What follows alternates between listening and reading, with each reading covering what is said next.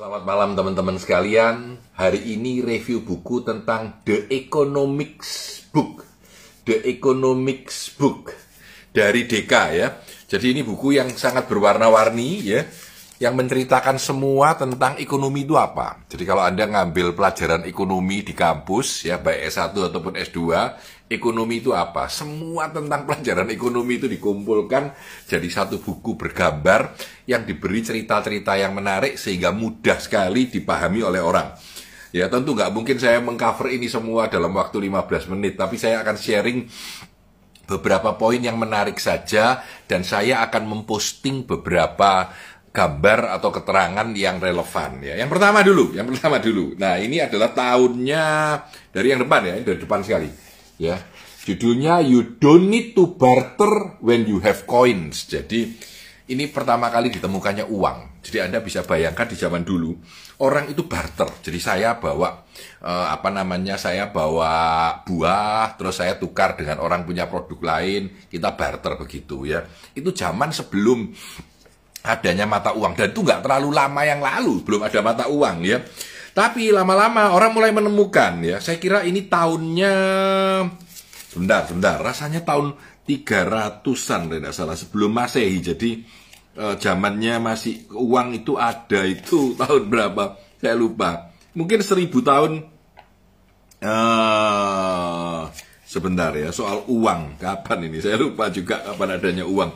Tapi intinya dengan adanya mata uang atau dulunya koin, kadang-kadang emas, kadang-kadang silver ya, itu kita tidak hanya bertukar antara dua orang. Jadi kalau Anda punya pisang, saya punya uh, apa namanya, saya punya panah, tukar gitu ya, bisa tukar begitu. Kalau sekarang pakai uang, nggak bisa, nggak perlu lagi, semua orang bisa ya. Jadi saya bisa beli kepada semua orang, ya toh. Saya bisa jual kepada semua orang, ya.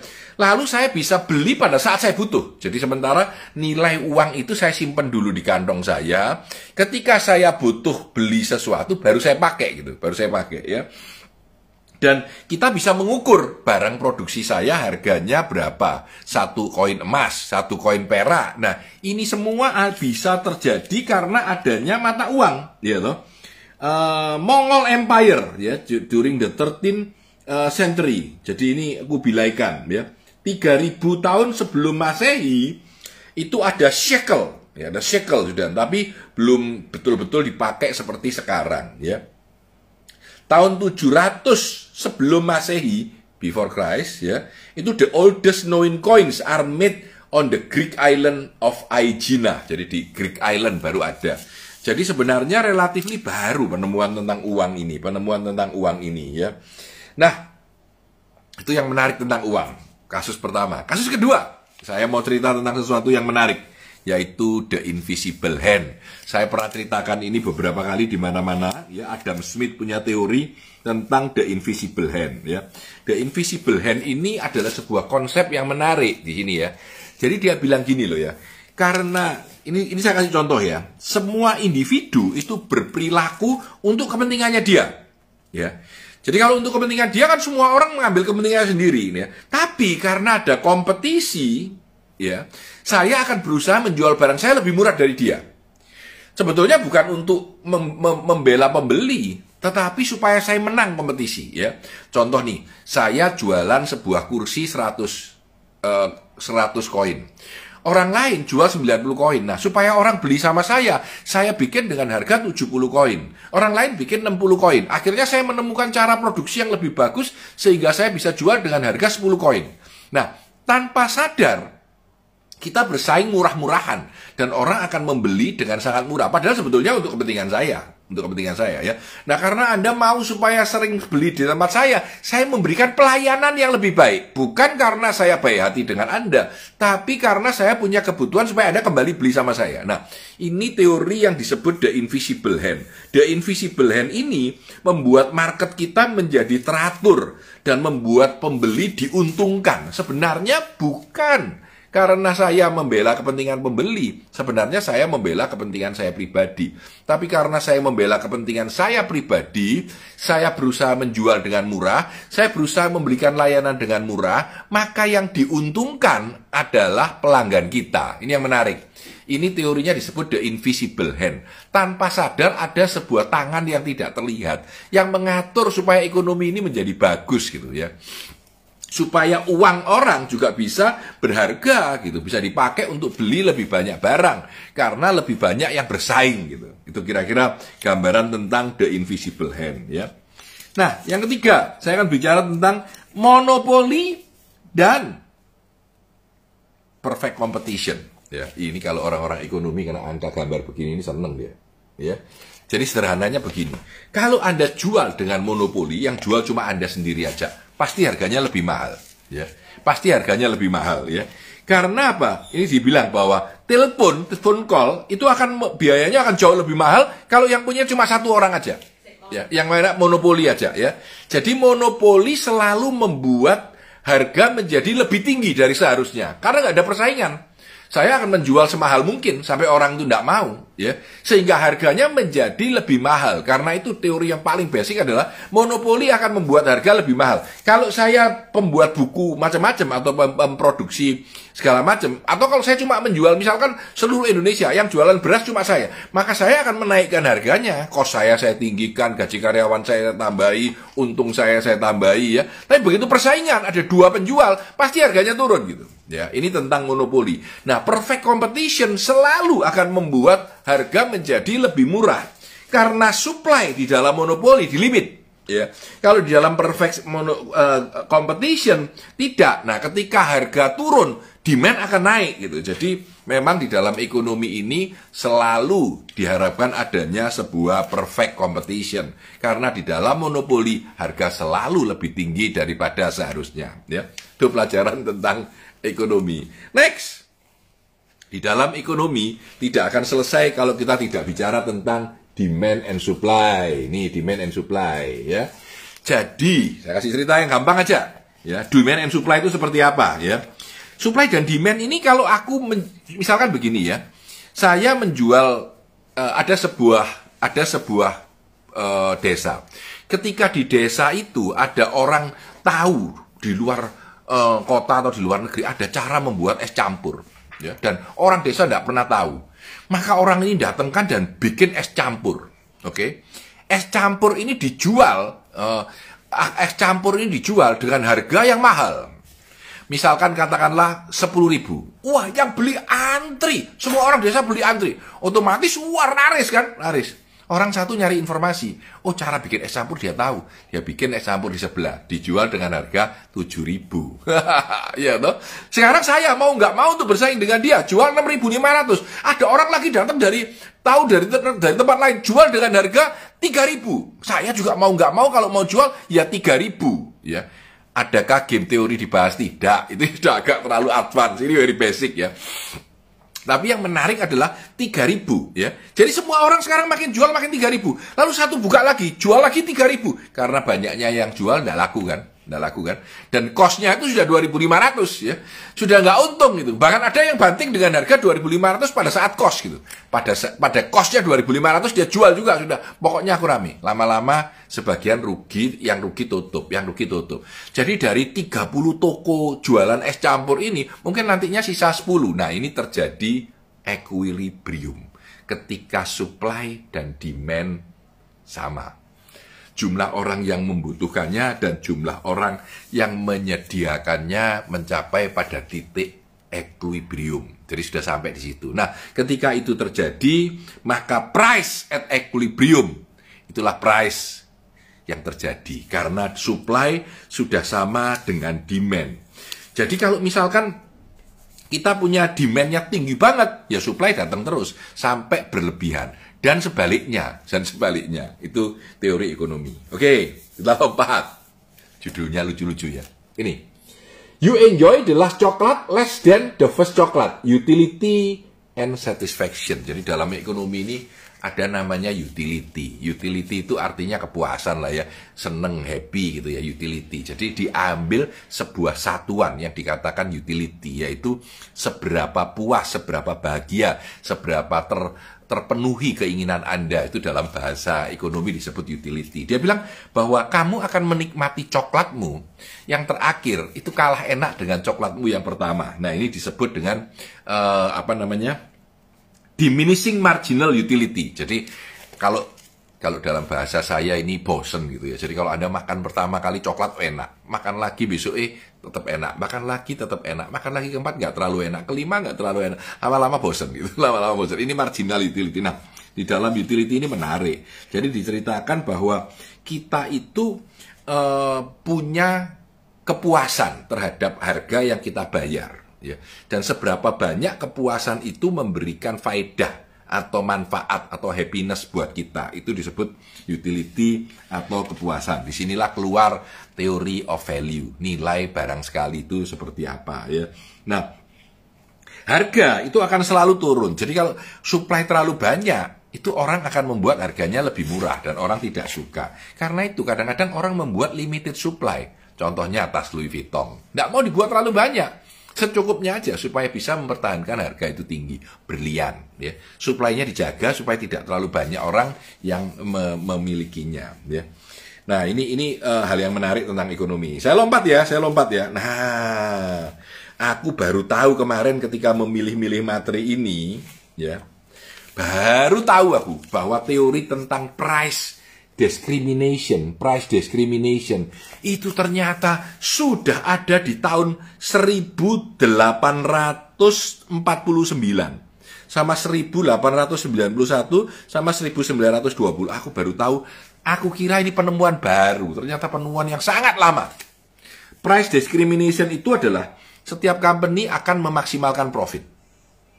Oke ya, kalau saya jual barang satu gelas aqua ini, satu gelas minuman ini, ya tuh dengan harga 5000 ya, buat anda yang sangat haus murah, 20.000 pun aku beli. Tapi buat anda yang tidak butuh air mahal. Nah, kalau aku mampu membuat supaya barang yang sama aku jual kepada si A, si B, si C dan si D dengan harga yang berbeda, aku lebih mampu memaksimalkan profitku. Ya, itu disebut price discrimination. Nah, sekarang ini populer. Salah satunya di mana? Tiket pesawat. Dulu, sekarang sudah ada. Tiket hotel. Ada naik pesawat dari Surabaya ke Jakarta. Saya bayar 500 ribu. Sebelah saya 700 ribu. Sebelah saya lagi 900 ribu. Ya. Kok bisa begitu? Ya bisa. Karena saya beli tiketnya tiga bulan sebelumnya pas promo. Dia belinya kemarin karena besok mau berangkat. Jadi dia nggak peduli harga. Ketika kita mampu membuat satu produk yang sama persis dipotong dengan harga-harga yang berbeda, maka terjadilah price discrimination, di mana hal itu dilakukan untuk memaksimalkan profit perusahaan. Contoh hotel, ya ini bukan masa pandemi ya, contoh hotel. Hotel itu kalau anda beli di uh, travel agent yang diskon-diskon murah gitu anda datang sendiri langsung, langsung datang dan Anda orang WNI di Indonesia ya, harga tiketnya lebih mahal. Kalau yang datang bule, harga tiketnya lebih mahal lagi. Ada aturannya. Kalau bukan WNI harganya lebih mana?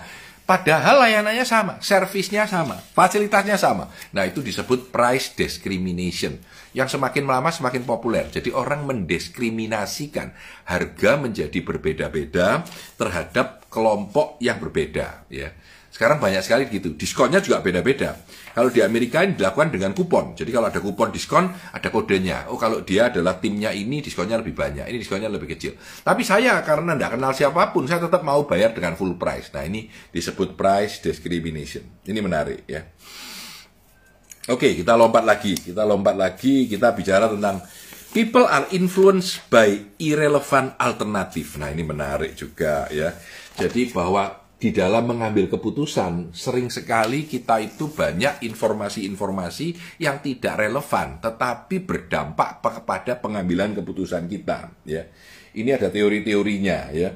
Ada Neumann dan Oscar Monsgenter Theory of the Games. Nah, ini mungkin uh, apa namanya mengenai behavior teori ya. Jadi individual itu mestinya rasional. Kalau lebih mahal nggak mau, mau lebih murah. Tapi nggak mesti ternyata. Ya, saya kasih contoh yang gampang aja ya. Saya kasih contoh yang gampang aja. Ada dua gelas wine, dua gelas wine. Oke, okay?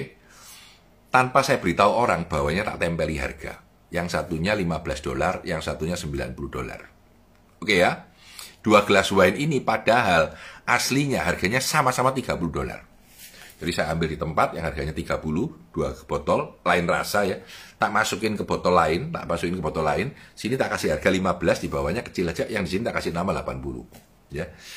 Wine yang berbeda. Saya taruh di, di, di tempat jamuan makan. Dan orang sambil buka wine-nya gini, lihat harganya, dia tak uang, dia minum. Ketika ditanya, enak mana? Selalu bilang enak yang 90 dolar. Padahal isinya sama, harganya 30 dolar. Nah ini menarik. Ternyata otak kita itu ditipu juga gitu ya. Tanpa sadar sampai mulut kita juga merasa lebih enak. Nah ini contoh bagaimana alternatif-alternatif dan irrational choices, pilihan-pilihan yang tidak rasional dalam banyak hal itu mempengaruhi kita ketika kita mengambil keputusan di dalam bisnis kita. Ya, ini menarik. Oke, saya akan mengambil lagi. Nah, ini Milton Friedman. Milton Friedman. Milton Friedman ini adalah seseorang yang terkenal banget ya. Dia uh, menjadi profesor dan pemenang hadiah Nobel di University of Chicago, tempat kampus saya ngambil MBA dulu. Ini Milton Friedman ya. Dia cerita tentang banyak mengenai the market and the theory of consumption ya. Terus dia cerita tentang bagaimana monetary policy dilakukan. Jadi intinya dia bilang intinya dia bilang kalau misalkan orang itu yang terbaik untuk government adalah membebaskan market. Jadi dia paling percaya dengan free market. Dia cuma bilang ini saja. Government tidak boleh mengontrol apa pun kecuali the money supply. Jadi kalau inflasinya terlalu tinggi, government harus ngerem supaya supply money-nya tidak terlalu banyak. Ya, itu itu itu yang dilakukan government. Jadi katanya tugas government cuma satu yaitu memonitor jumlah uang yang ada. Yang lain biarlah market itu menjadi market bebas ya. Jadi A Theory of the Consumption 1957 tulisannya ya. Wah, pokoknya ini Friedman ini berargu bahwa orang-orang itu tidak boleh terlalu banyak dan hanya naik karena inflasi ya. Jadi ini cukup menarik. Jadi ini teorinya Friedman ya uh, inflation is taxation without legislation. Jadi inflasi itu mau tidak mau terjadi. Jadi ada beberapa teori tentang uang, teori tentang penyampaian uang dan seterusnya. Oke, saya lompat pada teori yang lain. Nah, ini Sabtu malam Minggu ya, jam 8 malam Anda diskusi dengan saya tentang ekonomi. Nah, kan keren toh, kan keren toh, ya toh, the market of the economics ya, the economics ya. Ini ekonomi dari DK, kan cukup menarik, nggak usah terlalu, jangan yang rileks-rileks, jadi yang agak berat sedikit ya. Nah, ini ada sosialisme yang dianggap tidak berhasil. Oh, ini ada game teori. Tadi yang banyak sama saya ada di sini ada game teori. Ada Jonas, ya ini yang bicara tentang ini, ini ada Jonas ini, ini, ini, ini, ya Jonas ya tadi. Thank you untuk tanya tadi ya, tapi saya tidak membahas ini. Karena jujur saya juga tidak terlalu ngerti pol gitu. Jadi ya sudah nggak usah cerita kalau tidak terlalu ngerti. Saya cerita-cerita aja tentang beberapa ekonomi yang saya ngerti. Nah, uh, ini ada yang bilang you can't fool the people. Kamu tidak bisa bohongi orang terus-terusan karena mereka akan menemukannya. People don't care about probability when they choose. Nah ini menarik juga. Ini juga paradox in decision making jadi orang itu tidak tergantung dengan probabilitas, tapi tergantung dengan emosional ketika mereka mengambil keputusan terhadap eh, apa namanya probabilitas ya. Risiko itu lebih banyak di benak kita daripada realistis dengan angka yang ada. Nah, ini ada ekonomi-ekonomi baru yang menarik ya. Nah ini juga dibilang, jadi behavioral economic, people are not 100% rasional. Manusia itu tidak rasional 100%, masih terlalu banyak emosional ya. Ketika mengambil keputusan, kita tidak menghitung laba rugi atau apa, tapi bagaimana kita memilihnya gitu. Ini terutama Daniel Kahneman dan Amos Tversky. Saya suka dengan dua penulis ini. Mereka nulis banyak buku tentang bagaimana irasionalnya manusia di dalam mengambil keputusan. Ini juga hal-hal yang cukup modern tentang uh, behavior dari personal ya. Jadi bagaimana uh, ini ada tax cut ya, ada tax cut, ada price, ada corporation, ada segala macam. The government promise dan incredible. Saya ingin nutup dengan satu uh, tulisan yang di halaman 281 ini terakhir ini ya. Yang satu adalah social network Social network itu social capital. Jadi kalau Anda punya kongsi, punya partner, punya teman banyak, social capital Anda kuat, maka itu juga capital. Artinya social hubungan itu merupakan sebuah network dan itu sebuah capital. Ini saya waktu di MBA diajari tentang social capital ini ya. Bagaimana kita gain bahwa network itu punya value yang tinggi karena network itu juga merupakan sebuah capital. Jadi kalau kenal orang banyak, uh, tapi lebih banyak dikenal orang lebih baik. Jadi kalau saya kenal Pak Eh, presiden mungkin tidak ada artinya karena semua orang kenal Pak Presiden, tapi kalau Pak Presiden kenal saya itu benefit buat saya akan tinggi ya. Jadi ini adalah bagaimana uh, bisnis itu berjalan. Ini yang terakhir. Education is only a signal of ability, signaling and screening. Jadi kenapa orang dapat gelar profesor itu seneng? Kenapa orang dapat gelar PhD, S2, MM, MBA itu bangga kalau sekolahnya bagus? Sebenarnya bukan menunjukkan uh, sesuatu itu apa namanya besar atau tidaknya, tetapi kan, karena sebenarnya education itu cuma signaling. Oh orang ini cukup pintar untuk masuk Harvard, untuk kuliah dan selesai. Orang ini cukup bagus sehingga dia punya gelar PhD. Ya, sebetulnya itu signaling. Cuma memberikan sebuah sinyal atau tanda bahwa orang ini bisa belajar. Jadi banyak sekali teori yang mengatakan bahwa Eh, sebetulnya pendidikan itu tidak merupakan perlambang orang itu hebat atau tidak. Karena sinyal yang ada sinyal yang ada ya sinyal yang ada itu oh tanya tentang the invisible hand tentang mata uang. Oke jadi uh, tentang mata uang itu memang menarik. Tapi saya saya nggak nggak dalam kapasitas untuk terlalu menjelaskan secara mendalam tentang bagaimana mata uang kita bergerak ya kembali ke pendidikan. Jadi pendidikan itu merupakan signaling bahwa seseorang itu mampu dan dapat dipakai ya toh, uh, supaya orang uh, untuk sebuah pekerjaan tertentu. Dan uh, sudut pandang saya pribadi, pendidikan itu sebenarnya adalah sebuah platform untuk mendongkrak orang berubah dalam kehidupannya. Saya kasih contoh. Kalau di dalam struktur ekonomi di mana dia anak seorang petani kecil, tidak mungkin jadi menteri. Tapi ketika dia kuliah, lulus S1, juara. Lulus S2, juara. Ngambil pendidikan, jadi jadi PhD, dapat beasiswa. Lalu menjadi profesor. Dan ketika dia menjadi profesor, maka itu merupakan signaling. Maka pemerintah menarik dia supaya jadi menteri. Jadi apa? Nah ini menarik karena pendidikan itu tanpa sadar men merubah struktur ekonomi masyarakat kita dengan memilih orang-orang yang tepat untuk jabatan tertentu. Tanpa adanya pendidikan itu tidak punya sebuah springboard, springboard jadi tempat lompatan untuk naik kepada status yang lebih tinggi. Apakah pendidikan itu kritikal? Nah, sekarang ini menarik ada kemarin beberapa bulan lalu teman saya bilang, Pak San, ngapain kita sekolah terlalu tinggi? Steve Jobs itu loh, sekolahnya cuma begitu, nggak sampai lulus, ya toh. Dia nggak lulus loh, Steve Jobs tidak lulus S1, ya uh, orang kaya orang kaya itu tidak bisa tidak lulus S1 Pak San gitu. Tapi kenapa kok kita lebih berharap anak kita lulus S1, S2? Karena sebenarnya secara statistik orang yang pendidikannya rendah tapi sukses besar sangat minim. Sangat minim. Ya, walaupun ada dan sukses luar biasa. Ya. Tetapi semua orang yang lulus jadi dokter tidak mungkin kelaparan, pasti dapat penghasilan yang lumayan. Karena itu, secara probability, memang lebih baik kita membiarkan anak kita ya atau teman kita itu kuliah gitu ya, dan sampai mengambil S2 atau S3. Itu kira-kira teori kenapa kok orang-orang lebih baik kamu sekolah itu kalau bisa sekalian ngambil S2, sekalian bisa ngambil S3 kalau bisa, kira-kira gitu ya. Nah, uh, ini juga menarik katanya kalau Anda percaya bahwa bank itu akan bangkrut, bank itu bisa bangkrut beneran. Karena semua orang narik duitnya. Semua orang narik duitnya. Jadi itu berbahaya. ya. Jadi eh, hati-hati. Uh, Jadi kadang-kadang begitu ya. Stable economies contain the seed of instability. Kalau ekonomi terlalu stabil, kadang-kadang akan terjadi instability juga pada saatnya karena meledak, gitu ya. Uh, ya ini kira-kira seperti itu ya. Jadi teman-teman sekalian, hari ini saya mereview buku yang memang sulit direview, ya, The Economic Books. Buku ini tentang ekonomi kita, ya, tentang ekonomi kita, ya. Uh, dari zaman dulu ketika uang belum ada, ketika kita masih barter, sampai dengan mata uang yang baru, ya. Ya. Nah, dia ada bilang dalam ekonomi yang mirip atau sama, paling baik kalau mata uangnya jadi satu dengan nilai yang tukar yang sama, karena nggak usah pakai tukar duit dan lain-lain yang menyulitkan. Nah, itu contohnya terjadi di euro ya, di euro ya. Jadi uangnya pakai euro.